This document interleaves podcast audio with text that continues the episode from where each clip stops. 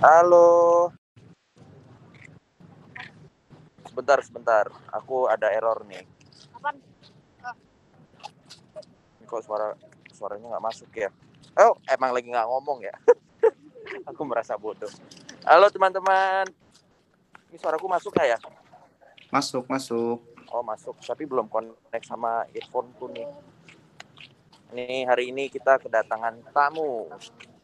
Dimoderatoriin dulu mal. Siap. Halo teman-teman entrepreneurs, Cem. Balik lagi nih setiap malam ya. Malam ini temanya adalah tema clubhouse kita malam ini cara suasana kopi laku 5000 cups dalam tiga bulan. Dan kita udah ada langsung sama yang punyanya nih Mas Firman. Halo Mas Firman. Halo, selamat malam semuanya. Malam. Apa kabar nih? Baik, alhamdulillah. Bagaimana Nah, teman-teman ya. semua? Baik ya. Iya, ya malam ini Hmm. uh, kita ngobrol-ngobrol nih tentang uh, kita pengen Mas Firman ceritain sih sebetulnya awalnya. Nah, kenalan dulu kali ya Mas Firman sama teman-teman yang di bawah nih. Boleh dikenalin dulu Mas Firman uh, backgroundnya apa, dari mana, terus tentang si suasana kopinya juga sih. Monggo. Halo semuanya, selamat malam. Eh, perkenalkan, gue Firman. Eh, gue creative director sekaligus co-founder juga dari Suasana Kopi. Eh, Suasana Kopi eh, sekarang em, ada di tiga lokasi. Di Kemang yang pertama, kemudian kedua Kuningan, terus ada di Gandaria yang sekarang. Gitu. Tahun ini di bulan Oktober kita menuju empat tahun. Seperti itu.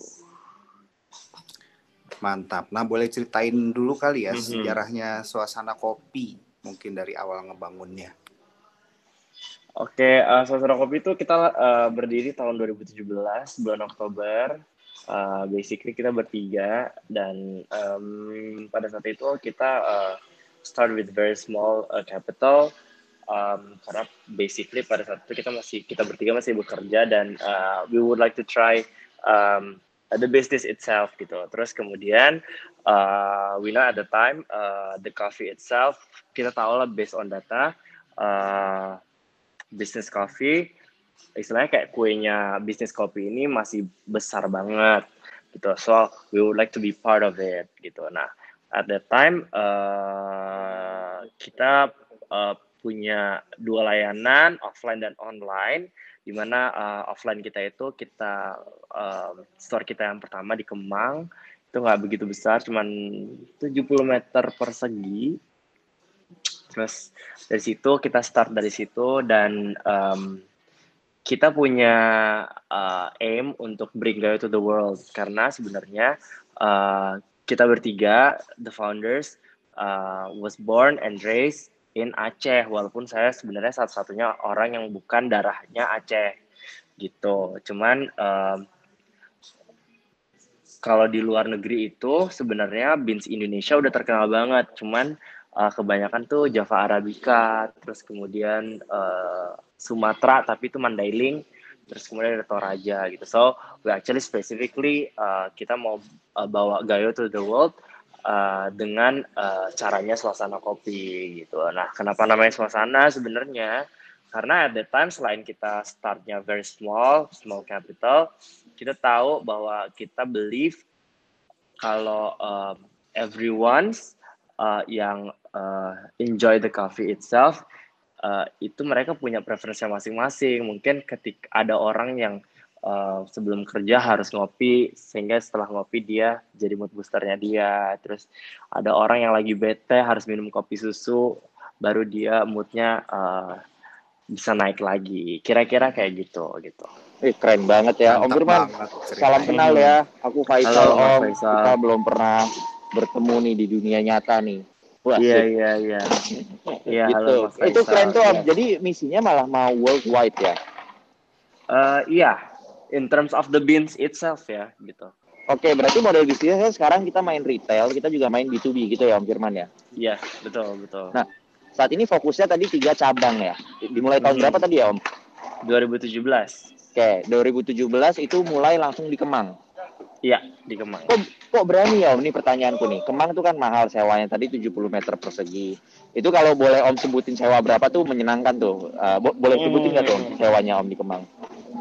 Hmm, I don't know what I have to do. Uh, I have to say. Uh, in Oh, oke, of nggak apa-apa. Tapi mahal ya? Nggak mahal. Oh, nggak mahal, dapat murah. Don't just Oke. think that everyone's everything's in uh, a very apa ya, very dense and very famous area semuanya mahal. Menurut menurut kita pribadi uh, within apa ya?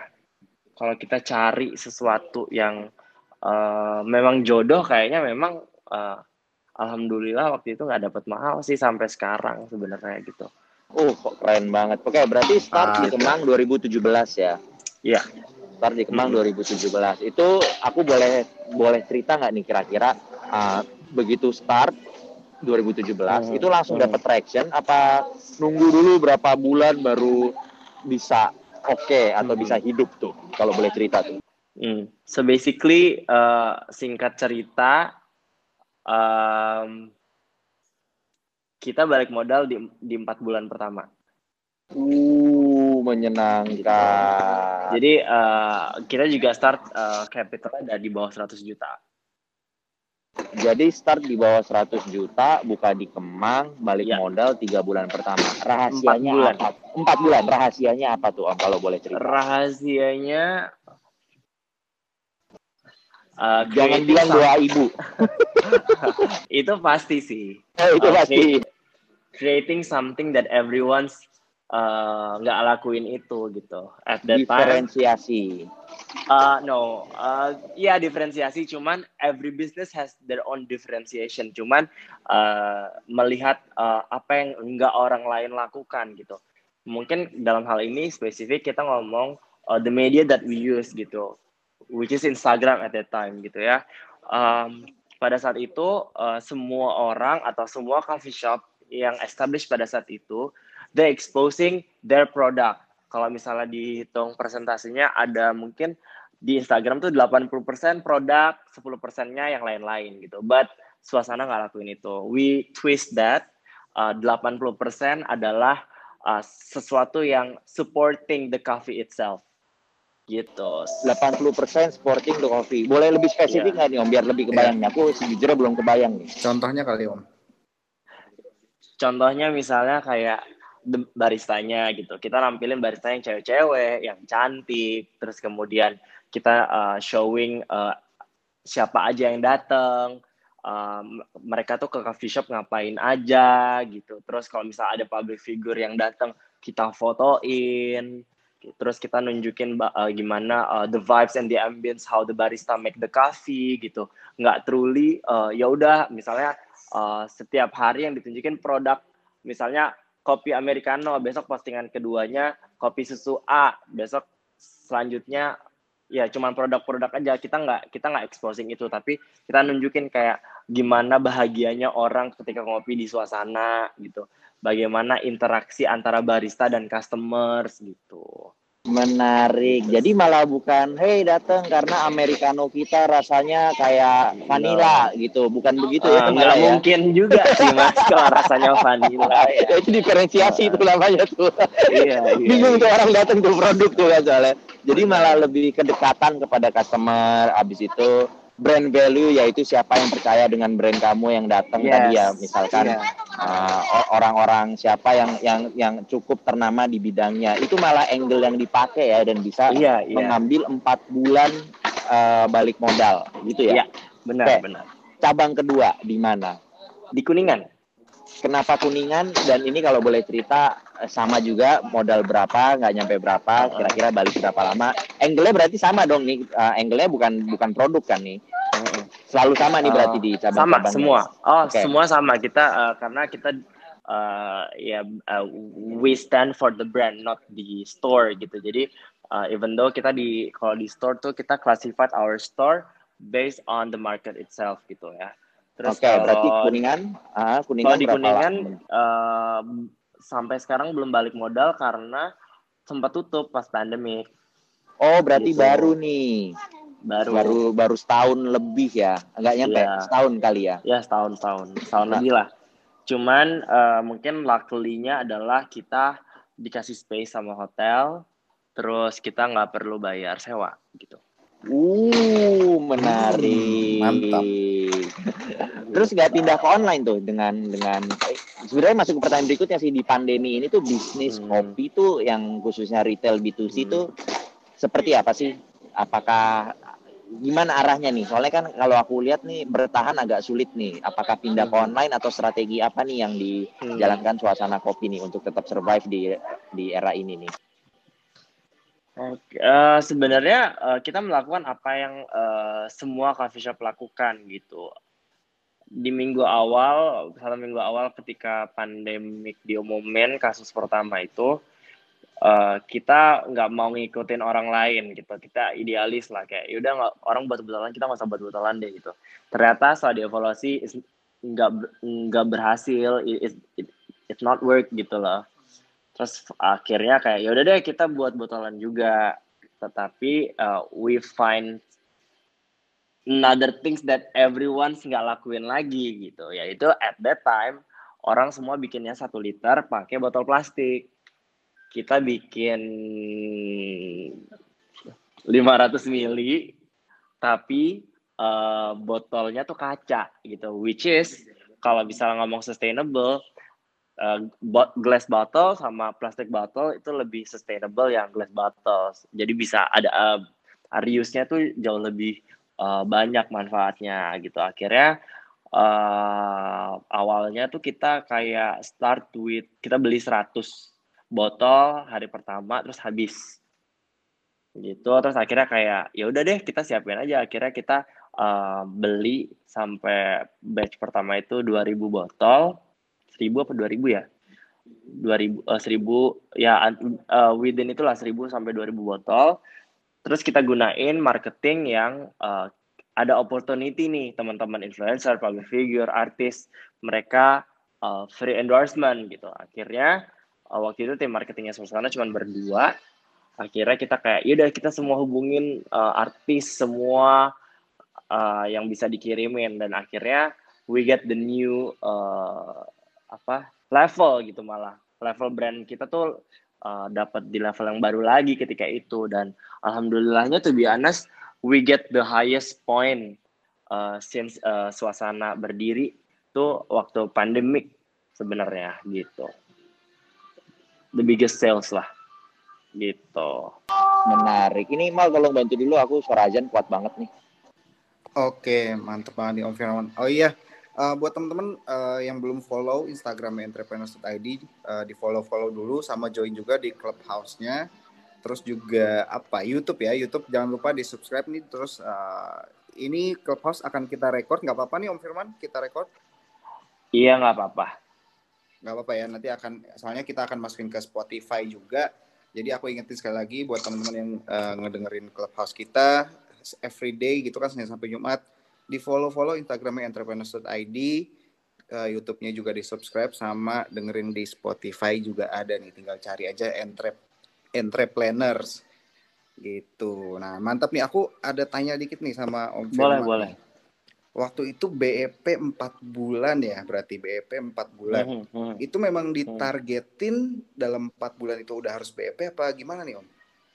enggak sih sebenarnya waktu itu targetnya setahun malah Oh targetnya setahun. iya targetnya setahun untuk balik modal sebenarnya cuman Tuhan berkata lain ternyata Berarti emang dari awal kayaknya udah rezekinya ada nih ya kayak hokinya dapet gitu ya momentum. iya mungkin mungkin mungkin sih amin Dari- amin Amin amin. Dari mulai tadi yang kayak modalnya nggak begitu mahal terus sampai ternyata BEP 4 bulan kayak mantep juga sih menarik banget nih bisnisnya. nih. alhamdulillah Hmm, alhamdulillah.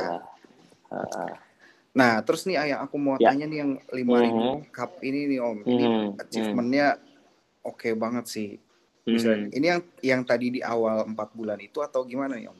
No, ini malah pandemic sebenarnya kayak tadi aku Oh, bilang we get the the highest amount uh, of uh, the sales waktu pandemic karena tadi kita lihat uh, apa namanya lihat opportunity ketika semua endorse uh, semua semua public figure, semua influencer open endorsement. Nah pada saat itu kita kayak let's do it, kita hubungin semua baik yang kenal nggak kenal, pokoknya kita hubungin, pokoknya sehari itu uh, kita harus kirim ke 10 public figure dan influencer. Sampai akhirnya uh, karena hype terus sampai ada juga artis-artis yang nge-DM kita untuk boleh dong dikirimin ke rumah gue gitu kayak inisiatif nge-DM gitu. Oh, kita dengan senang hati banget. Malah akhirnya ya udah uh, apa uh, bal, apa uh, timbal baliknya adalah pada saat itu kan orang nggak bisa ke mana-mana. Untuk mendapatkan exposure itu selain mereka lihat dan merasakan pasti mereka penasaran kan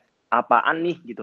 Apalagi mungkin orang-orang yang baru tahu suasana kopi pada saat itu gitu ya udah pasti mereka purchase dong gitu. Dan uh, kita waktu itu kebetulan uh, platform kita ada di Tokopedia dan Shopee gitu. Itu menarik banget deh aku uh, yeah, kayak mantap, mantap. kayak ternyata jadi kalau dipikir-pikir ya aku coba aku masukin konteksnya.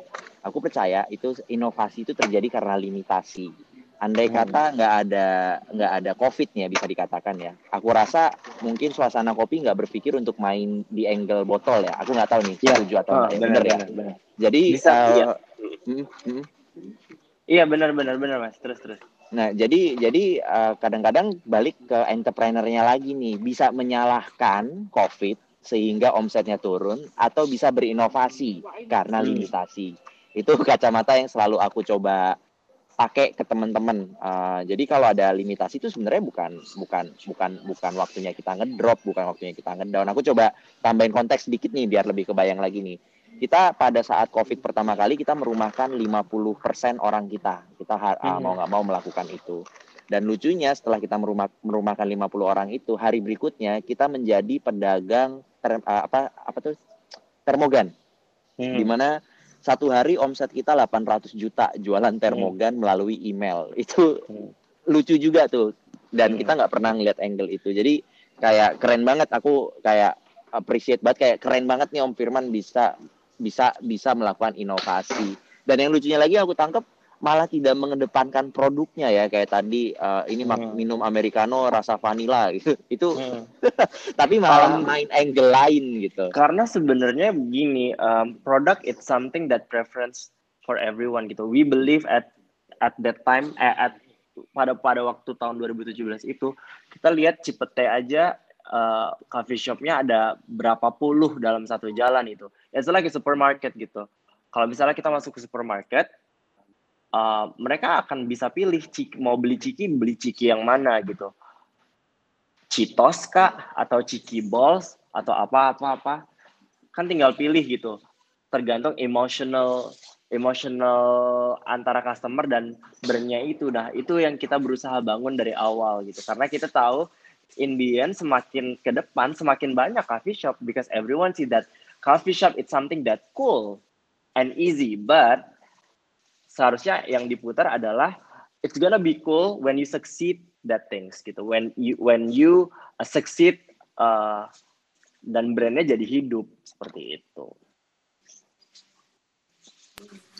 keren berarti ngambil ngambil angle pendekatan itu lebih ke emosional customer sama lebih ke yeah. yang iya. relate ke customer gitu kali ya iya iya uh, karena iya, kalau banget. orang ngerasa relate pasti dia biasanya akan lebih tertarik juga nih Benar, benar banget, benar banget.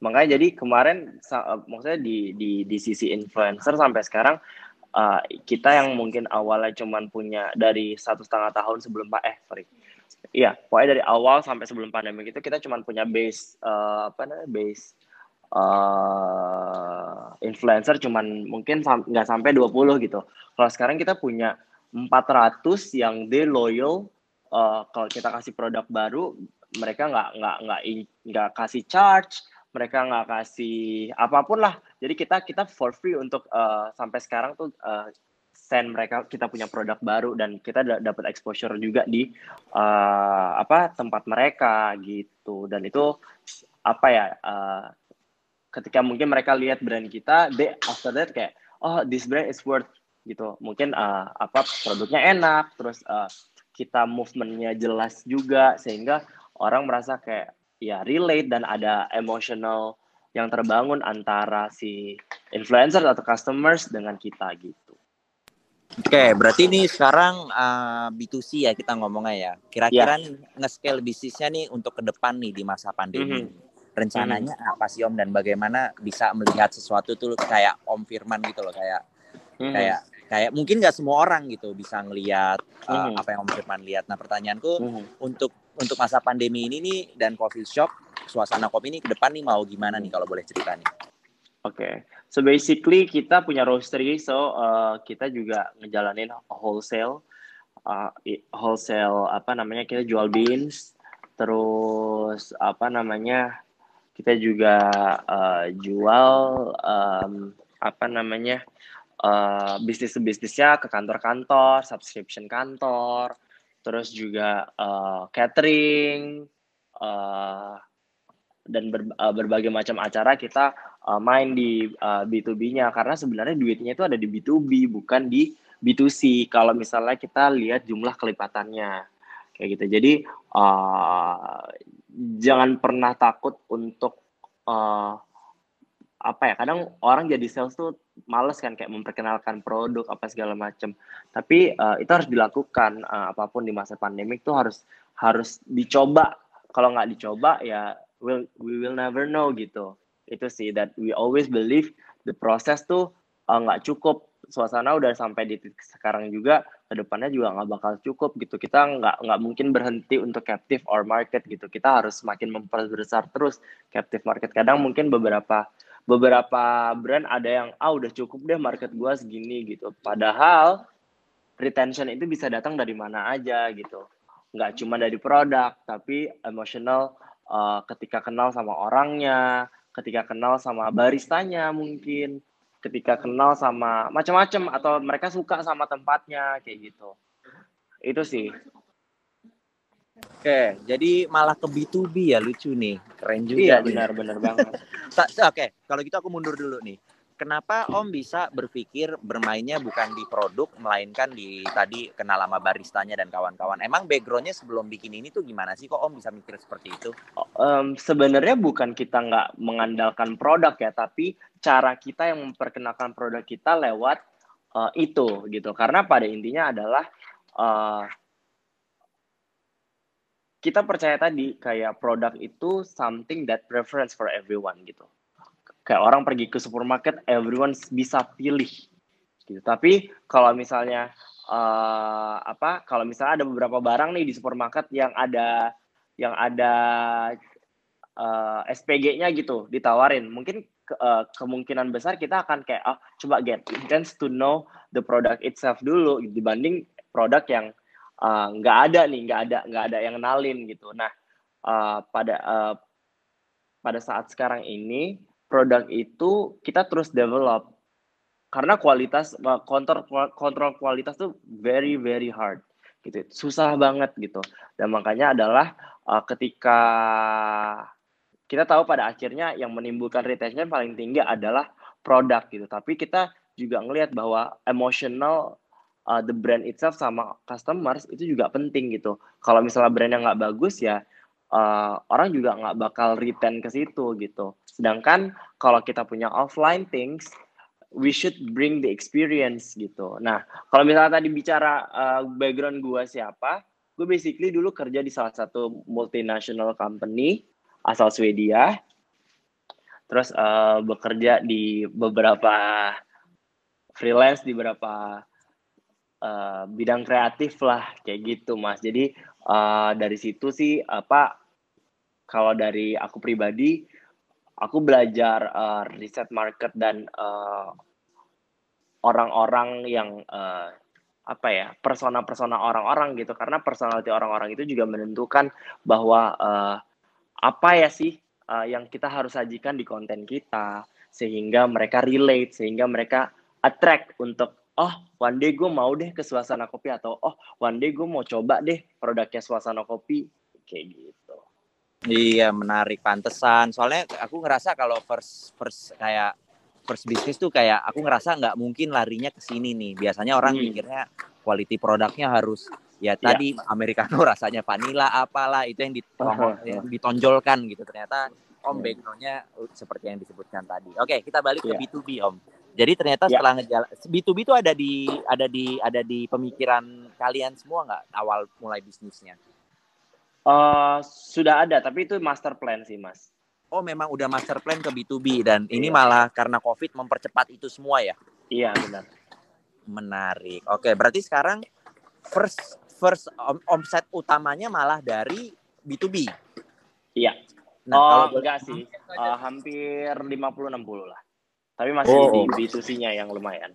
Oke, berarti pertanyaannya gimana nih kita mau membesarkan uh, channel income kita yang dari B2B nih? Kalau boleh Hmm. cerita nih Om, uh, biar teman-teman kebayang juga di sini.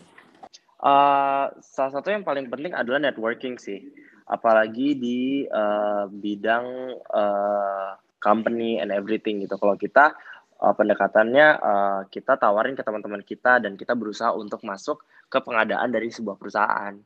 Kayak gitu. Karena eh, tiap perusahaan punya eh, dana dan pagu pengadaan gitu. Ke kementerian, terus ke perusahaan, ke BUMN kayak gitu. Terus kalau misalnya di eh, beans dan roastery-nya kita masuk ke coffee shop coffee shop. Karena banyak coffee shop yang eh, mereka nggak punya roastery, mereka eh, butuh tuh eh, service roastery, mereka butuh eh, apa ngegoreng beansnya kayak gitu-gitu ya.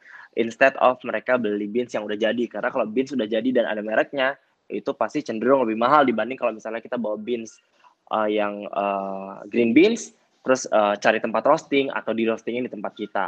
Gitu. Dan eh, kita juga suasana salah satu um, uh, beans official dari Kementerian Perdagangan uh, yang siap diekspor ke pasar Eropa. Dan kita baru di apa baru baru di uh, announce tuh tahun ini gitu gitu Keren, keren, keren. Berarti malah ke corporate ya beloknya ya. Aku nggak bisa ngeliat angle itu loh Om cerita gitu kayak iya juga ya. Iya, Corporate benar, jadi benar. satu, habis itu coffee shop, habis itu uh, white label mungkin ya. White label main Iya. juga ya Om tadi ya. Iya, heeh. karena sebenarnya kalau misalnya ke pengadaan-pengadaan kayak pengadaan perusahaan tuh eh, hotel, perusahaan BUMN karena mereka ada pagunya gitu dan kementerian gitu. Waktu itu kita pernah surfing Kementerian Luar Negeri gitu ya dan dari situ kita melek kan kayak oh oh iya nih harusnya kita bisa cuman memang requirements-nya harus sudah PT karena kalau pengadaan kan pasti eh, mereka punya standar tertentu gitu. Jadi mungkin administrasi-administrasi yang kayak gitu yang harus di fulfill nih sama teman-teman. Gitu. Mantap. Kita maju lagi Om. Satu langkah nih Hmm. Om. Ekspor Boleh. Om. Gimana Om? Tadi Ya. dari cerita ditunjuk sama Hmm. Kementerian Perdagangan ya Ya. mm-mm. untuk menjadi ekspor. Nah sekarang udah ngejalanin ekspor. Mhm. So basically uh, kita udah ki- kalau kirim sampel kita itu uh, ada satu namanya Emirita Emirit Emirati Coffee di uh, Dubai Uh, itu lagi proses. Nah kalau Kementerian Perdagangan ini itu memang dari Asosiasi Kopi Indonesia dari SCAI. Nah, dari SCAI ini bekerja sama sama tim uh, dari uh, Kementerian Perdagangan. So basically uh, ini uh, multi apa ya? uh, multi program karena Kementerian Luar Negeri sebenarnya punya program namanya diplomasi kopi. Nah, diplomasi program ini diteruskan ke seluruh uh, kedutaan Indonesia di dunia untuk uh, bisa membuka nih mencari pasarnya kayak gitu. Mana mana nih yang paling paling cocok, mana yang paling uh, siap pasarnya untuk dimasukin produk-produk Indonesia. Nah, kebetulan kemarin kita dapat uh, tebusan dari KBRI Berlin melalui Kementerian Perdagangan. Gitu. Karena memang secara secara teknis nanti yang akan melakukan uh, pengiriman kan adalah Kementerian Perdagangan, tapi secara program memang programnya dari Kementerian Luar Negeri. Gitu. Ih, Terus keren kalau banget ya. Kalau kita mengirim belum, karena memang kita baru lolos seleksi. Jadi kalau misal dari yang Kementerian Perdagangan ini, semua coffee shop yang dapat tebusan itu wajib mengirimkan sampel. Di sana di, dilakukan eh, seleksi cupping, eh, tasting juga semua dilakukan. Terus kualitas dari beans it- itu sendiri sampai akhirnya eh, dipilih. eh, aku nggak tahu spesifik berapa karena eh, kalau di suasana hanya disampaikan kalau kita uh, lolos seleksi untuk siap dikirim uh, ke pasar Eropa gitu. Tapi tidak disebutkan uh, jumlah coffee shop atau uh, roastery yang terpilih untuk uh, Binsem ikut diekspor gitu. Keren, keren banget ceritanya. Ini kebetulan nih, aku kan lagi bangun Hmm. platform ekspor juga namanya jalur.com. Nah, Mm-mm. untuk ekspor kopi itu kalau nggak salah ada izin yang harus dipenuhin deh. Itu Hmm. udah udah sempat dibikin om? Apa lewat perdagangan semua ngurusnya? Eh, karena kebetulan memang kita udah di SCAI, jadi kita semua eh, kalau masalah perizinan semua kita diurusin mas, gitu. Jadi enaknya kalau ada di asosiasi kopi ini kita masuk ke situ, eh, kita dapat semua data dan kita dapat eh, semua eh, apa ya Fasilitas. fasilitas dibantu. Jadi kita kayak penghubung, kita tuh mereka tuh kayak penghubung antara kita UMKM ke pemerintah, gitu. Menarik, menarik banget. Berarti sekarang makin jos lagi nih. Kita udah ngomongin ekspor ya. Udah kirim sampel dan kawan-kawan ya. Iya, benar-benar. Nah ini coba aku kasih trik deh. Mungkin nih biar makin jos nih. Jadi eh, kita juga punya agency. Eh, agensinya ini, ini maaf ya aku a- ada bunyi cetak-cetak nih. Aku lagi di skate park nih nemenin anakku main skate. Oke lanjut. Eh, apa namanya tadi agency. Nah Ya. jadi salah satu trik yang bisa dipakai Om itu kita bisa menggunakan namanya Hmm. teknik B2B lead generation di mana Hmm, kita bisa hmm. mencari bayangin kita men- eh, kita mencoba menghubungi Starbucks-nya Seattle nih misalkan kita mencari purchasing Starbucks yang ada di Seattle Hmm. itu kita Hmm. bisa ngedeketin mereka kita bisa dapetin Hmm. alamat emailnya kita bisa dapetin nomor handphonenya melalui Hmm. B2B lead gen. Nah dari situ kita coba kenalan sama mereka. eh, hey Starbucks Seattle, namaku Firman. Aku adalah seorang roaster. Aku juga punya uh, stock beans ya apalah gayo lah apalah aku nggak tahu Uh, aku pengen banget nih coba connect sama Starbucks jadi angle yang dipakai tuh lebih ke situ tuh om pernah dengar nggak ya sebelumnya ya Ah, belum pernah dengar mas. nah B2B lead gen ini salah satu yang mau kita pakai di jalur. Jadi kita memberikan platform kepada teman-teman yang mau ekspor akses untuk meng-email atau menghubungi orang yang tepat. Kalau tadi contoh kasusnya adalah Starbucks gitu. Kita mau menjadi coba kita mau mencoba menjadi suppliernya Starbucks pusat misalkan kayak gitu. Itu menarik banget. Nah tapi kendala di jalur untuk kopi kalau nggak lewat asosiasi atau lewat kementerian ya itu adalah kita harus punya izin apa aku lupa. Pokoknya izin eksportir kopi terdaftar itu kalau nggak salah. Eksportir kopi terdaftar. Uh, baru yang dikeluarkan oleh perdagangan baru kita boleh ngekspor langsung dari uh, Indonesia. Itu sedikit uh, tentang uh, ekspor kopi di Indonesia. Gitu nih aku coba promo dulu nih biar teman-teman lebih kebayang. Teman-teman nih jadinya ada Om Firman nih Om Firman dari suasana kopi nih Uh, tadi kita lagi sharing-sharing bagaimana Om Firman COVID malah eh bukan Om Firman COVID kondisi COVID malah Om Firman uh, ngehit record. Jadi di sini kita akan nanya-nanya Om Firman banyak nih tentang mengenai bisnis kopi. Untuk teman-teman yang belum follow entrepreneurs nih boleh di follow nih. Kita selalu mengadakan clubhouse. Kita selalu clubbing lah asik. Kita clubbing setiap hari jam 7. Uh, teman-teman bisa follow tuh yang logonya E uh, entrepreneurs karena kita akan selalu menghadirkan entrepreneur-entrepreneur sakti yang ada di Indonesia ini. Salah satunya contohnya Om Firman di sini nih. Lanjut Om. Kalau tadi udah ngulik ekspor, udah ngulik B2B, aku mau coba tanya jawab di bisnis Horeca. Tadi juga ada tersebut tuh. Supply ke hotel, supply ke restoran, supply ke coffee shop dan kawan-kawan. Itu model bisnisnya gimana ya Om? Apakah melakukan digital marketing? Apakah melakukan uh, canvassing atau apa yang dijalanin tuh Om kalau boleh cerita tuh Om? Hmm, sebenarnya kita canvassing sih. Jadi kita memang eh, apa jemput bola lah istilahnya gitu. Kita menawarkan service kita punya service ini. Eh, kita punya service eh, ABC dan segala macam dan kita biasanya closingnya dengan eh, kontrak gitu. Kontrak berapa lama.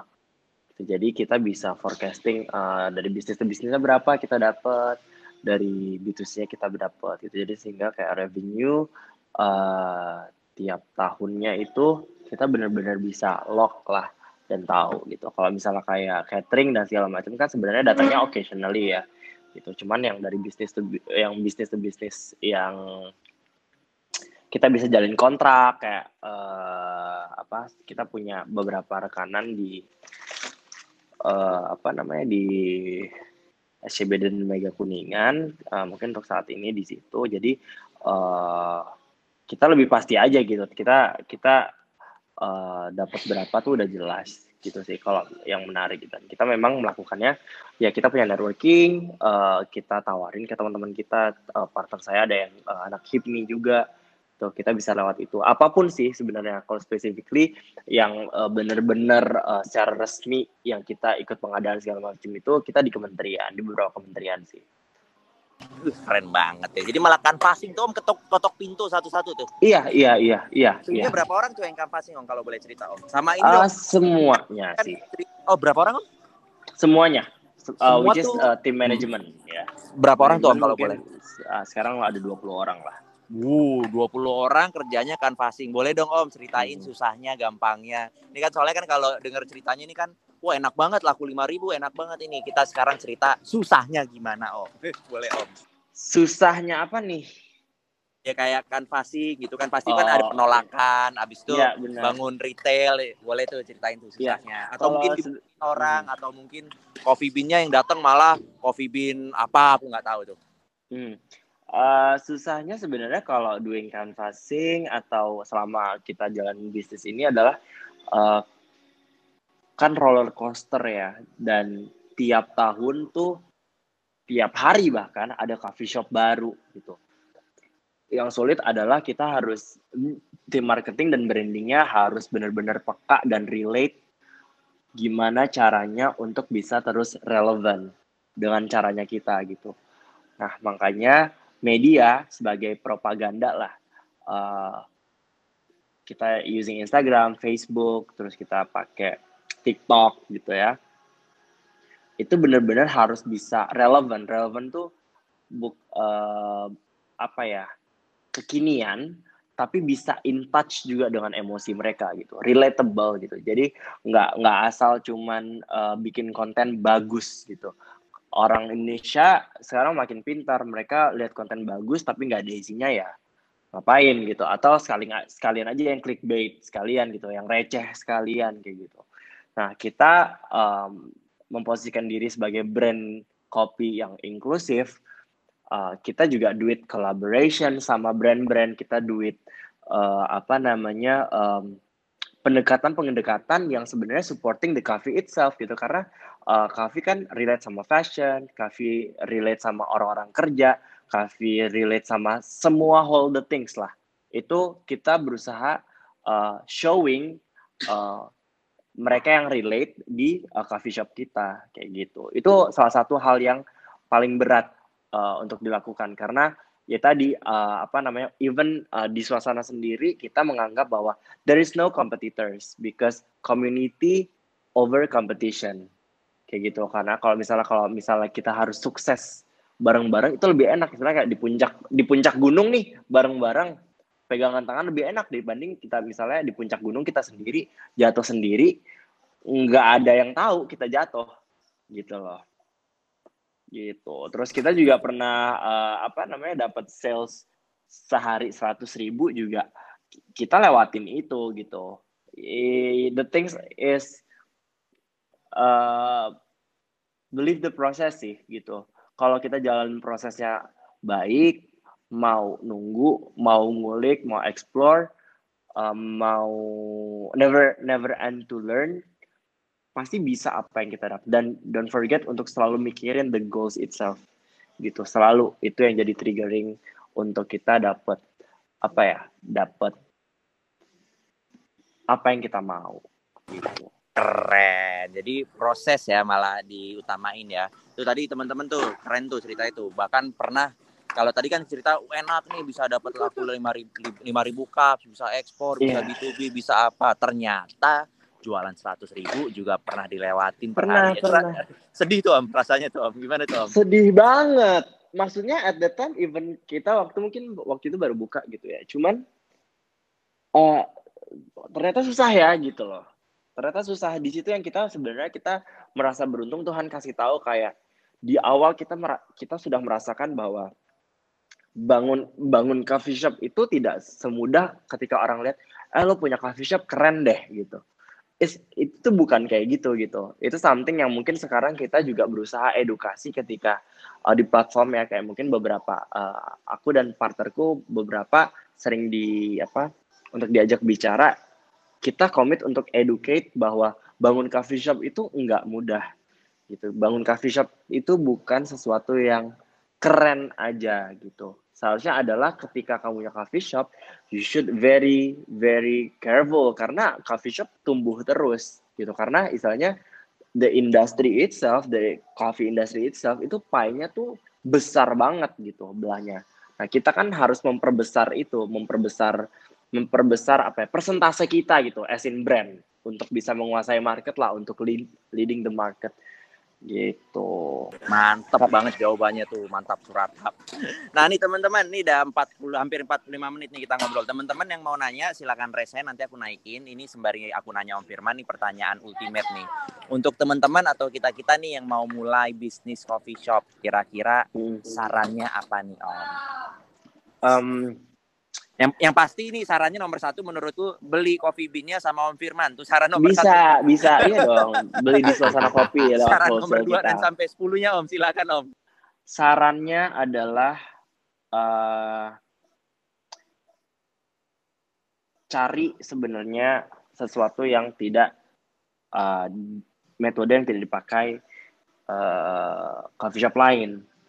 Nah, gimana cara dapetin itu? Riset market, dapetin data, karena dengan riset dan data kita akan jauh lebih uh, confident untuk uh, percaya bahwa apa yang kita buat akan uh, berhasil gitu. Karena coffee shop banyak yang tumbuh banyak juga yang tutup. Gitu. Jadi um, kesempatan itu selalu ada. Pie-nya itu gede banget gitu. Apa sorry apa kuenya tuh gede banget gitu. Ya kalau digambarin industri kopi itu adalah pie-nya atau ada kuenya kita kan harus slice slice dan percayalah ketika berarti kalau misalnya ada beberapa coffee shop yang tutup berarti kesempatan market yang lain untuk masuk di uh, slice itu kan ada gitu. Jadi uh, jangan lupa untuk bangun sesuatu nggak cuman uh, bisnis kopi bisnis apa pun harus based on data gitu, based data, terus uh, di riset marketnya gitu. Karena di riset dengan riset market kita tahu ada gap pasti gitu. Kayak uh, kita belajar juga dari Tuku gitu. Apa ya pada saat itu uh, Tuku memanfaatkan uh, ada gap uh, antara harganya Starbucks dengan harganya Starling gitu. Starbucks keliling. Ada nih gap di harga 18 ribu, 20 ribu nggak ada yang main di sini. Mereka masuk di situ jadi benchmark baru dan mereka sekarang menguasai pasar dan buat saya itu sangat wajar dan kualitas produk mereka luar biasa gitu. Keren riset ya jadi ternyata ya Om saran nomor satu ya. Ini untuk teman-teman yang mau nanya-nanya silakan angkat tangan. Polres Depok Anda terkepung angkat tangan. nah pertanyaannya nih Om nyambung ke riset. Ini uh, riset yang baik dan benar tuh kira-kira boleh disebutin nggak tuh Om untuk bikin kopi? Jadi bayangkan hmm. banyak nih yang ngomong, iya riset, riset, riset. Tapi gimana hmm. gitu maksudnya loh Om? Uh, data tuh bisa banyak banget diakses gitu ya. Jadi uh, buat teman-teman atau misalnya timnya yang punya bisnis uh, harus coba cek BPS. Sekarang tuh Indonesia dari 200 berapa juta, berapa ratus juta masyarakat ini uh, range umur produktifnya yang berapa aja sih. Dari situ kelihatan sekarang kan kayak misalnya sekarang jelas waktu itu Kementerian Keuangan dan Badan Pusat Statistik serta Bapenas bilang kayak di tahun 2020 Indonesia bakal dapat bonus demografik di mana 60% penduduk usia produktif uh, covered uh, Indonesia punya uh, apa namanya Indonesia punya masyarakat gitu. Nah, dilihat lagi 60% ini di cover berapa orang di dalamnya. Berarti umur anggap ya umur produktif tuh umur 18 sampai umur 60. Nah, ternyata di di rentang uh, umur itu 18 sampai 60 60% dari situ adalah umur 25 sampai 40 which is uh, orang-orang yang uh, settled secara keuangan, settled secara knowledge. Nah, di situ sebenarnya dari situ kita udah bisa lihat nih behavior orang-orang di umur itu ngapain aja sih gitu. Jadi dengan kita tahu itu, kita akan semakin confidence gitu. Karena data tuh bisa dapat dari mana aja. Misalnya uh, apa Asia Tech tuh juga bisa uh, tentang startup kalian bisa bisa gain all the data there gitu even apa kalau uh, salah satu banyak banget data yang leak di situ ya um, kemarin uh, salah satu coffee shop di China yang mau ngebit mau menghancurkan Starbucks tuh ada juga itu uh, datanya pernah uh, kita bisa download segala macam gitu. Jadi kita bisa belajar juga dari brand lain gitu karena there is there is something new under the the sun gitu. Jadi nggak ada yang baru di bawah matahari ini gitu di bawah di dunia ini gitu. Jadi uh, kita cukup uh, cari referensi yang banyak, baca buku yang banyak, belajar yang banyak. If you wanna be the best, learn from the best gitu. Gitu. Mantap Surata. Ini aku tambahin nih mungkin uh, biar makin jos. Jadi kalau teman-teman aku biasanya suka bikin produk, sebuah produk itu aku sukanya bukan bikin dari nol, aku sebenarnya sukanya ATM amati tiru modifikasi. Ya. Itu salah satunya yang paling oke. Okay. Nah, untuk teman-teman yang mau ATM, uh, cari produk yang belum ada di Indonesia tapi di luar sana ada. Salah satu platform yang aku pakai untuk teman-teman biar tahu uh, biar gampang risetnya itu pakainya namanya crunchbase.com itu nanti teman-teman tinggal masukin uh, jenis produk apa yang kira-kira mau di riset, ada startup apa di luar sana yang berbau-bau kopi, lalu coba pelajarin gitu. Kira-kira bisa applicable nggak di Indonesia? Contohnya tadi bener tuh yang kopi kopi di Cina ya, dia mau mau ngancurin Starbucks itu sampai diinvest gede-gedean. Itu di kopi paste loh di Indonesia loh sama sebut saja kopi mawar. Waduh. Iya. Kopi Masuk, kenangan, Mas. Kopi kenangan. Oh, bukan kopi mawar. Jadi kopi kenangan ini bener-bener mau ngancurin uh, Starbucks tuh ceritanya tuh diinvest gede-gedean top 10 startup investment di Indonesia top 10-nya tuh salah satunya adalah kopi kenangan yang suntiknya bener-beneran gila-gilaan. Itu menurutku salah satu tipikal ATM yang bisa di copy paste. Masih banyak kok yang bisa di uh, eh, ATM dilakukan gitu. Nah teman-teman yang mau nanya-nanya nih silahkan nih mau nanya-nanya Om Firman single atau enggak boleh boleh ya Om. Iya dikacangin.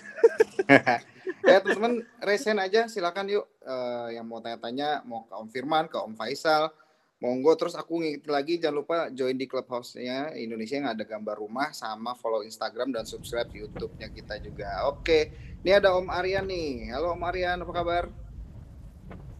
Halo, malam malam malam. Malam. Oke, mau ngasih tanya-tanya atau mau sharing-sharing monggo lanjut. Uh, ini sih pengen tanya-tanya sih sama Om Firman sih terutama sih. Gini Om. Boleh, boleh, boleh. Mau tanya nih Om. Tadi kan Om Firman kan ceritain ke kita ini bahwa menjual itu kan bukan cuma hanya menjual produk nih, tapi kita harus bisa dapetin uh, touching the emotional uh, customer itu yeah. sendiri kan.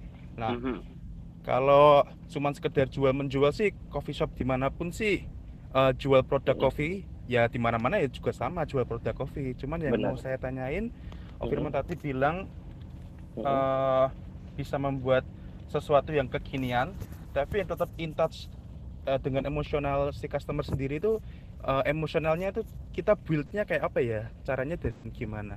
Oke gitu aja sih om. Makasih. Oke okay, thank you uh, mas Aryan. Uh, boleh langsung dijawab apa gimana nih mas Faisal? Ajar mas langsung Kemal. lanjut. Uh, ya kita tahu ya kalau misalnya manusia ini punya lima panca indera gitu. Uh, mata telinga uh, penciuman rasa uh, kalau kita punya store offline, kita harus menuhin itu semua gitu. So we call it experience gitu. Makanya uh, salah satu uh, tantangan ketika kita punya toko adalah kita harus bisa uh, bangun semua experience ini. Jadi kalau di suasana sendiri kita curated our music, kita kita kurasi, uh, kita punya konten, rasanya sudah pasti, arsitekturnya kita uh, apa kita konsep dengan baik. Ketika uh, kita membangun sebuah tempat atau sebuah brand apa pun apa pun lah gitu ya uh, kita harus di posisi customer gitu. Uh, the owners uh, atau stakeholders yang ada di dalam harus memposisikan diri sebagai customer. Oke, okay, sebagai customer, aku ketika datang ke suasana kopi yang di Gandaria, uh, aku datang masuk harus lihat apa dulu gitu ketika ketika kita masuk barista kita setting udah harus menyapa orang, harus menyapa orang yang masuk. atau menyapa orang customer yang masuk. Sehingga ada feel warm di situ. Sehingga ah oh, kita disapa nih. Terus nanti kita di kasir di kasir kita setting juga. Nanti barista harus A B C D segala macam menawarkan A B C gitu. Kalau misal pertanyaannya itu kita uh, kita latih ke mereka. Begitu juga dengan musiknya. Di dalamnya uh, musiknya harus uh, apa sesuai dengan brand kita gitu. Karena um, kita benar-benar kurasi uh, experience uh, lima panca indera itu gitu. Sehingga uh, kalau misalnya rasanya kurang dia bisa diperbaiki dengan baunya misalnya. Kita bisa diperbaiki dengan oh arsitekturnya bagus gitu servisnya bagus gitu. Nah jadi ketika uh, apa namanya lima ini terpenuhi akan muncul yang namanya experience ketika mereka dapat experience-nya mereka akan uh, muncul uh, emotional bonding di situ gitu. Nah, itu juga bisa diterapkan di social media gitu. Nah, kalau di social media treatmentnya adalah gimana caranya selain bagus, kita spreading out the message sehingga ada call to action. Contohnya call to actionnya mereka bisa komen, mereka bisa save uh, apa kontennya, mereka bisa like, mereka bisa uh, share lagi uh, ke orang lain atau ke story-nya mereka. Kayak gitu. Mantap. Berarti kalau di startup tuh namanya gimana? Kita punya UI UX ya kan? Betul. Karena kita benar. user interface dan user experience yang baik gitu. Ternyata om malah naruh itu di dalam retail ya the new retail wah sih uh, itu uh, itu bukan new retail in Japan mereka uh, Jepang ini kan tipikal uh, apa negara yang secara secara kultur dan uh, brand-brandnya itu mereka tidak diekspor keluar. Mereka tuh lebih ke dalam. Jadi sehingga kayak uh, tiap negara itu punya cirinya berbeda sendiri ketika mereka uh, membangun brandnya. Nah, Jepang itu uh, lebih lebih ke dalam daripada kalau misalnya kita bandingkan dengan Korea Selatan ya. Nah, experience-nya tuh di Jepang bahkan kita harus ke sana untuk tahu gitu what we feel in the very small store gitu. Bahkan contoh misalnya ketika semua negara di dunia ini pakai cashless di Jepang tuh kalau misalnya di martnya tuh kita harus masih harus pakai cash. They more cash than cashless gitu. Nah, uh, apa ini bukan bukan sesuatu yang baru tapi menurut menurut kacamata kami uh, ini yang orang uh, tidak pikirkan ketika bangun sebuah brand gitu. Bahkan kayak uh, retail-retail besar kayak uh, Starbucks segala macam mereka tuh harus mengganti interiornya dalam waktu lima tahun. Gitu karena memang itu jadi standar untuk retail 5 sampai sepuluh tahun. Kayak gitu sih Mas Faisal. Keren. Terjawab Om Marian Ya terjawab sih ini. Makasih banyak ini. Jadi... Sama. Silakan teman-teman sama Mas Aryan. Yang mau naik, mau nanya-nanya sama Om Firman, uh, silakan angkat tangan Polres Depok. Anda terkepung, angkat tangan. Jadi lebih ke experience ya Om yang di ini ya. Dan Benar. bahkan bahkan pada saat main pandemi pun juga experience tadi itu yang dipakai benar. sampai ke botol. Karena ya. benar karena kayak uh, experience itu um, kalau kita bangun experience kalau misalnya produk-produk online ketika mereka sampai produk itu sampai di tangan di tangan customer yang sekarang kita pikirkan kan media ya media ini which is mungkin Instagram atau story atau apa pun lah sebutin. Gimana caranya mereka pegang itu mereka langsung bisa foto mereka langsung bisa story. Ada unboxing experience. Makanya kayak bahan stiker aja kita tuh detail mau glossy atau matte mereka megangnya tuh harus apa apa feelnya ketika mereka pegang ketika mereka buka gimana gitu sehingga uh, mereka bisa benar-benar merasa worth ya mereka akan marketing akan melakukan marketing secara otomatis di Instagram story-nya mereka atau media-media yang lainnya gitu. Keren banget tuh sampai ke sini. Ada Om Antoni nih, silakan Om Antoni mau nanya-nanya, mau sharing, mau transfer duit ke aku juga boleh Om Antoni. Silakan. Uh, halo, selamat malam teman-teman semuanya. Halo, malam. Jadi malam. Uh, dari nama roomnya aja udah sangat menarik sih. Uh, kita bakal belajar banyak ya tentang kopi. Dan jujur aku pribadi itu uh, memang baru start sih uh, bisnis coffee shop itu di end of uh, 2020 kemarin. Jadi memang yang aku bangun uh, selain coffee shopnya sendiri itu juga ada roasterinya, jadi sekaligus roastery coffee ya. Nah, lantas uh, aku pengen tanya mungkin sama Kak Firman kali ya. Uh, Sebenarnya kalau untuk kita itu uh, pakai brand sendiri, nggak ngambil franchise. Nah, pertanyaannya adalah apa yang harus kita prepare ya untuk bisa dapat uh, bisa penetrasi sama market karena awal-awal sih kita trial and error which is ya awal-awal mungkin kita banyak promo dan sedikit obral gitu-gitu sih nah uh, kira-kira apa yang harus kita lakuin supaya kita benar-benar bisa masuk ke penetrasi market ya by the way uh, kita domisilinya kebetulan di Palembang jadi memang kopi-kopi yang kita bawain adalah uh, single hmm. origin yang kopi Sumatera gitu sih oke okay. gitu Firman uh, Uh, Oke, okay, Mas Antoni, mungkin uh, yang paling pertama dilihat adalah walaupun istilah gini, Jakarta akan look up ke uh, seluruh kota besar di dunia secara kultur um, dan daerah. Mungkin kalau misalnya dalam hal ini spesifik kita ngomong Palembang, berarti akan look up ke Jakarta gitu. Yang yang harus diketahui adalah Palembang ini tertinggal berapa tahun dari Jakarta. Nah, dengan tahu itu, dengan tahu kondisi itu, kita tahu nih produk apa yang cocok dimasukkan terlebih dahulu gitu.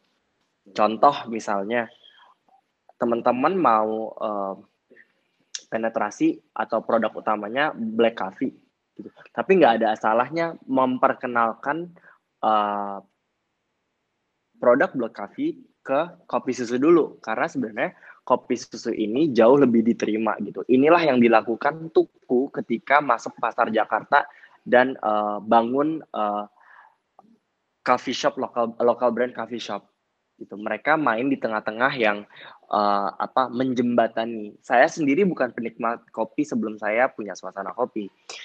Cuman karena saya tackle the branding, saya tackle uh, apa tentang kreatif ya jadi saya harus tahu dan harus coba Nah, pada akhirnya ketika kita minum kopi kopi susu gitu ya, pasti akan coba selanjutnya naik satu level latte atau cappuccino. Semakin sering nanti akan co coba uh, kopi americano sampai owner tuku aja mereka dia bilang dia dari start dari kopi susu sampai akhirnya sekarang dia udah minum single espresso aja gitu. Karena pada akhirnya ternyata kayak americano, americano itu punya punya manfaat lah istilahnya gitu untuk uh, kesehatan sebelum kita melakukan olahraga misalnya. Nah, yang paling penting sebenarnya kalau cara penetrasi pasarnya adalah uh, lihat dulu market di situ yang paling besar gimana gitu. Aku nggak nggak ngerti juga ya pasar Palembang gitu. Gimana uh, Palembang tertinggal berapa lama dari Jakarta gitu. Itu sehingga dari data itu, dari penglihatan itu apa nih ke depan yang uh, yang bisa dilakukan untuk melakukan promosi, untuk melakukan uh, penetrasi pasar di uh, Palembang sendiri gitu. Karena aku punya teman punya coffee shop di Jambi, tapi bukan di kota Jambi ya, itu agak pelosok sedikit. Tapi luar biasa, itu rame setiap hari gitu, bahkan di desa bukan di kota Jambinya gitu. Jadi lebih ke pene, uh, cari tahu dulu apa yang paling difavoritkan di kota itu. Itu balik riset oh, lagi iya. tuh ya. Oke, okay. iya sih, Mas. harus riset sih ya. Terus tadi yang menarik itu ada ada ada dimension hmm. uh, pelajarin gap antara Palembang sama Jakarta itu tertinggal berapa lama. Mungkin hmm. lebih indikatornya gini ya, ketika brand baru masuk di Jakarta, terus kapan dia mulai penetrasi keluar Jakarta. Jadi itu mungkin gapnya dari hmm. situ ya kita kelihatan ya. Iya, jadi mungkin kalau gini mas, kalau di Jakarta aja, Jakarta Selatan, Utara, Pusat, Timur, dan Barat itu punya behavior yang beda. Semua kultur itu masuknya di selatan. Kalau orang selatan, anak-anak selatan, ada tempat baru, mereka harus datang ke situ. Gitu. Jadi kayak gue nggak mau ketinggalan gitu. Beda sama orang barat, beda sama orang timur, beda sama orang utara. Nah, kayak misalnya kalau di utara uh, susah banget nih kayak uh, uh, kalau misalnya dia produknya terlalu um, apa ya kalau orang-orang utara, utara itu uh, terlalu mahal nggak terlalu mahal cuman kayak nggak uh, misalnya waktu itu ada brand namanya Sister Fields dari Bali gitu. Ada di sana brandnya bagus makanannya enak tapi dikasih live music gitu karena uh, sepi.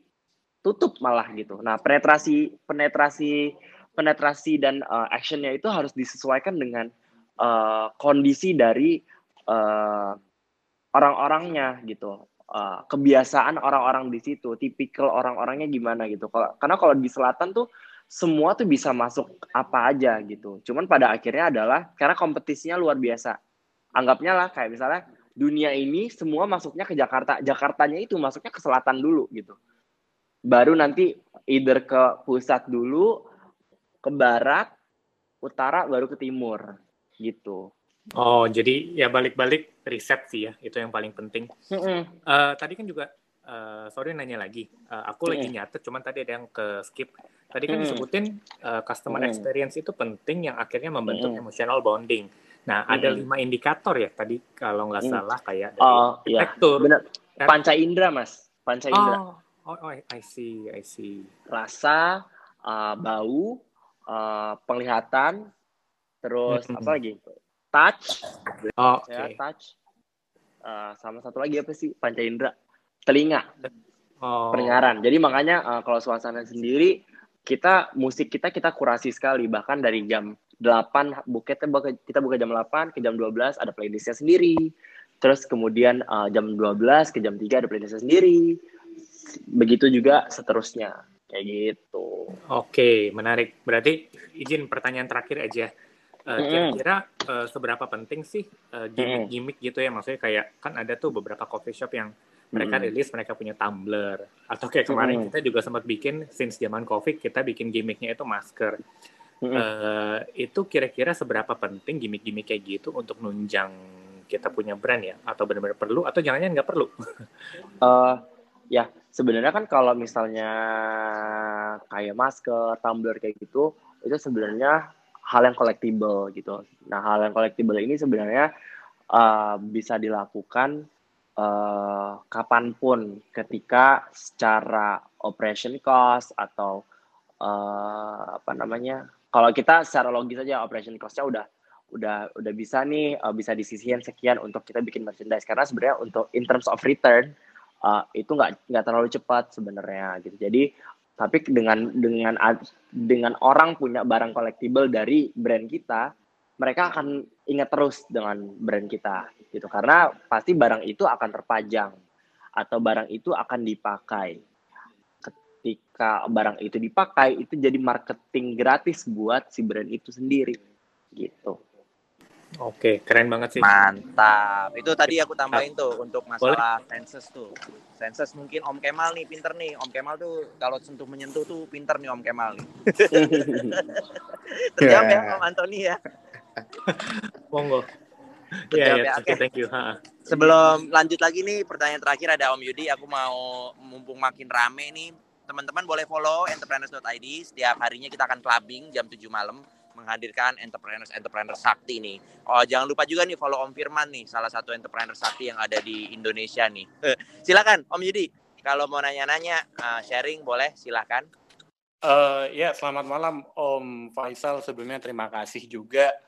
Uh, saya Yudi, kebetulan aslinya juga Palembang, tapi Uh, saya udah 12 tahun stay di Yogyakarta, uh, dikenal sebagai 2000 mungkin ya, kota kopi lah sekarang. Uh, saya itu uh, punya produk namanya Kopi Kreatif.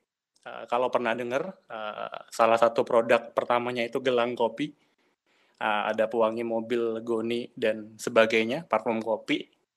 Uh, saya udah tahu suasana kopi itu udah lama banget.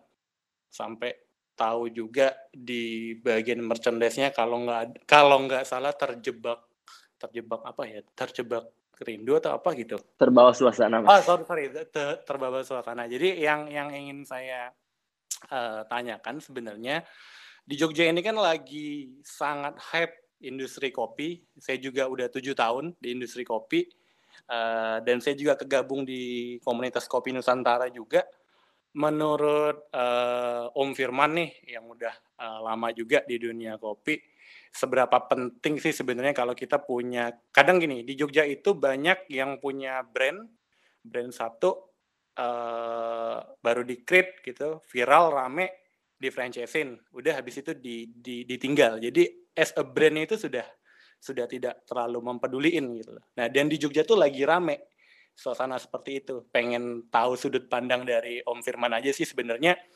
kita itu kalau secara brand kalau saya di kopi kreatif itu saya udah enam tahun juga create brand gitu duplikatnya banyak uh, perang-perang harganya juga lumayan gitu uh, sampai di mana tuh orang tuh di Jogja rekan-rekan itu banyak banget industri kopi ya udah uh, yang lagi hype apa konsepnya minimalis apa di create produknya itu nggak layak untuk dijual dan itu rame gitu loh uh, sebaiknya itu kita tuh mengcreate brand dalam uh, lifetime yang cukup panjang atau at the moment aja mas. Uh, makasih.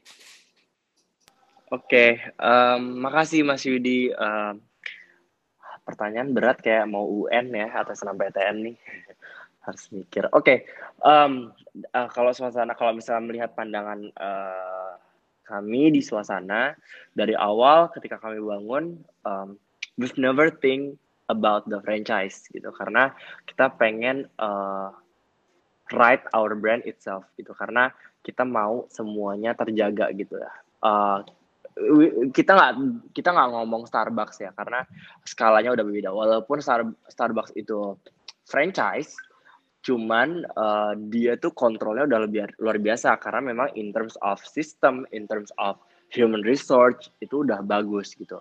Kita nggak bicara itu, tapi buat uh, apa namanya brand-brand yang baru nih gitu, apakah worth untuk di uh, franchising segala macam? Itu akan kembali kepada uh, founders atau uh, CEO atau stakeholder yang ada di situ gitu kalian mau drive money-nya sabar atau mau cepet gitu. Kalau kita kita pengennya brand kita long term gitu. Brand kita uh, hidup di orang-orang uh, itu sendiri gitu. Karena sebenarnya kalau kita mau main game di bisnisnya kopi sendiri, ya kita tinggal milih. Kita mau ikut gamenya kopi kenangan kita mau ikut gamenya siapa lagi yang gede? Max Cafe atau apa pun ya tinggal dipilih. Atau mau pilih gamenya janji jiwa tinggal dipilih gitu. Kalau suasana pengennya uh, bahkan dulu kita pengennya di Indonesia cuma ada lima. Gitu ya. Di uh, dengan perwakilan di kota-kota terus kita pengennya going abroad gitu. Jadi balik ke bisnis model ya Om jatuhnya ya. Mau iya gitu. Kalau mau hit and run juga nggak salah gitu ya.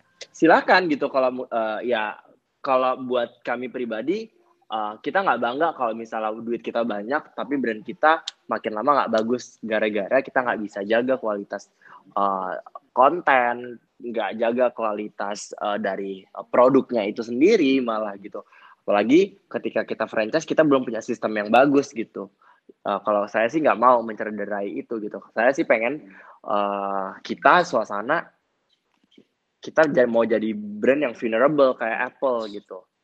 Gitu. Mantap terjawab Om Jadi. Uh, Oke okay, Om, terjawab sih. Mungkin paling nanya terakhir deh, uh, menurut Om Firman hmm. secara industri coffee shop atau kopi uh, bisa bertahan berapa lama ya? dua sampai lima tahun ke depan kira-kira gimana om pandangannya om? Makasih. Hmm, ah ya dua sampai lima tahun ke depan akan terus uh, berkembang gitu karena um, industri kopi itu jadi uh, apa ya kayak bakmi gitu ya bakmi kalau sekarang di Indonesia udah kita masuk di tahun 2015 udah masuk uh, fourth wave uh, coffee industry gitu ya. Jadi modernnya gitu. Kalau di dunia tuh diawali dengan Blue Bottle, terus ada persen Arabica gitu yang mereka tahu kelemahan Starbucks. Akhirnya mereka muncul dengan uh, mereka dan membawa uh, the modern wave of coffee shop gitu. The modern of coffee, the modern wave of coffee industry gitu. Uh, kalau saya sih masih projectionnya masih sampai 2045 sebenarnya gitu masih jauh sih karena uh, ini udah jadi uh, apa ya bukan lifestyle lagi ini udah jadi habit kalau di Jakarta ya gitu udah jadi habit sih gitu dan pasti daerah daerah-daerah akan ikut gitu karena mungkin beberapa daerah tertinggal dua tahun sampai lima tahun lah gitu mantap terjawab ya Om Yudi ya oke Om makasih Om Nah, Makasih. kebetulan nih teman-teman, kita udah satu jam lebih nih kayaknya nih takut mengganggu hidup Om Firman lebih lama. Untuk teman-teman yang mau nanya-nanya mungkin bisa follow uh, akunnya Om Firman ya. Uh, IG-nya juga ada tuh, mungkin kalau mau lebih lanjut boleh kali ya Om DM ya Om. Monggo silakan Mas, Silakan. jangan lupa di follow juga ya. Ah, ah. itu uh, teman-teman kembali uh, entrepreneurs kita selalu ngadain entrepreneurs entrepreneurs sakti. Uh, kita biasanya ngadain seminar di weekend. Uh, sangat disarankan untuk teman-teman mengikuti karena aku ngebangun entrepreneurs tuh memang untuk informasi-informasi seperti ini nih biar kita lebih terbuka lagi uh, cara pandangnya terhadap sesuatu. Nih kayak aku belajar banyak nih ternyata uh, main kopi nggak hanya retail aja bisa sampai ekspor bahkan uh, kaget juga Om Firman nggak mau main uh, apa franchise ya ternyata ya. Uh, malah maunya fokusnya ke B2B unik Bener, deh angle-nya. Banyak nih makhluk-makhluk sakti kayak Om Firman nih di dunia ini. Kita akan perkosa makhluk-makhluk sakti ini di klub uh, di clubhouse kita setiap hari jam 7 teman-teman silakan follow tuh entrepreneurs.id itu yang ada di sebelah kiri atas yang ada tulisannya E. Follow juga Om Firman mungkin cukup ya Om Firman itu aja Om Kemal cukup ya Terima Cukup, kasih Om. semuanya. Terima Ya, kasih. Terima for kasih loh Om. Firman waktunya Terima teman-teman semuanya yang udah Terima ini kasih. eh, aku akan menjadikan room ini room silent jadi teman-teman eh, terima kasih banyak Hmm. atas waktunya sampai jumpa di clubbing berikutnya yaitu besok jam 7 dengan pembicara eh, yang sakti juga. Thank you. Bye bye. Thank you Om Faisal. Thank you, thank you. Thank you semuanya.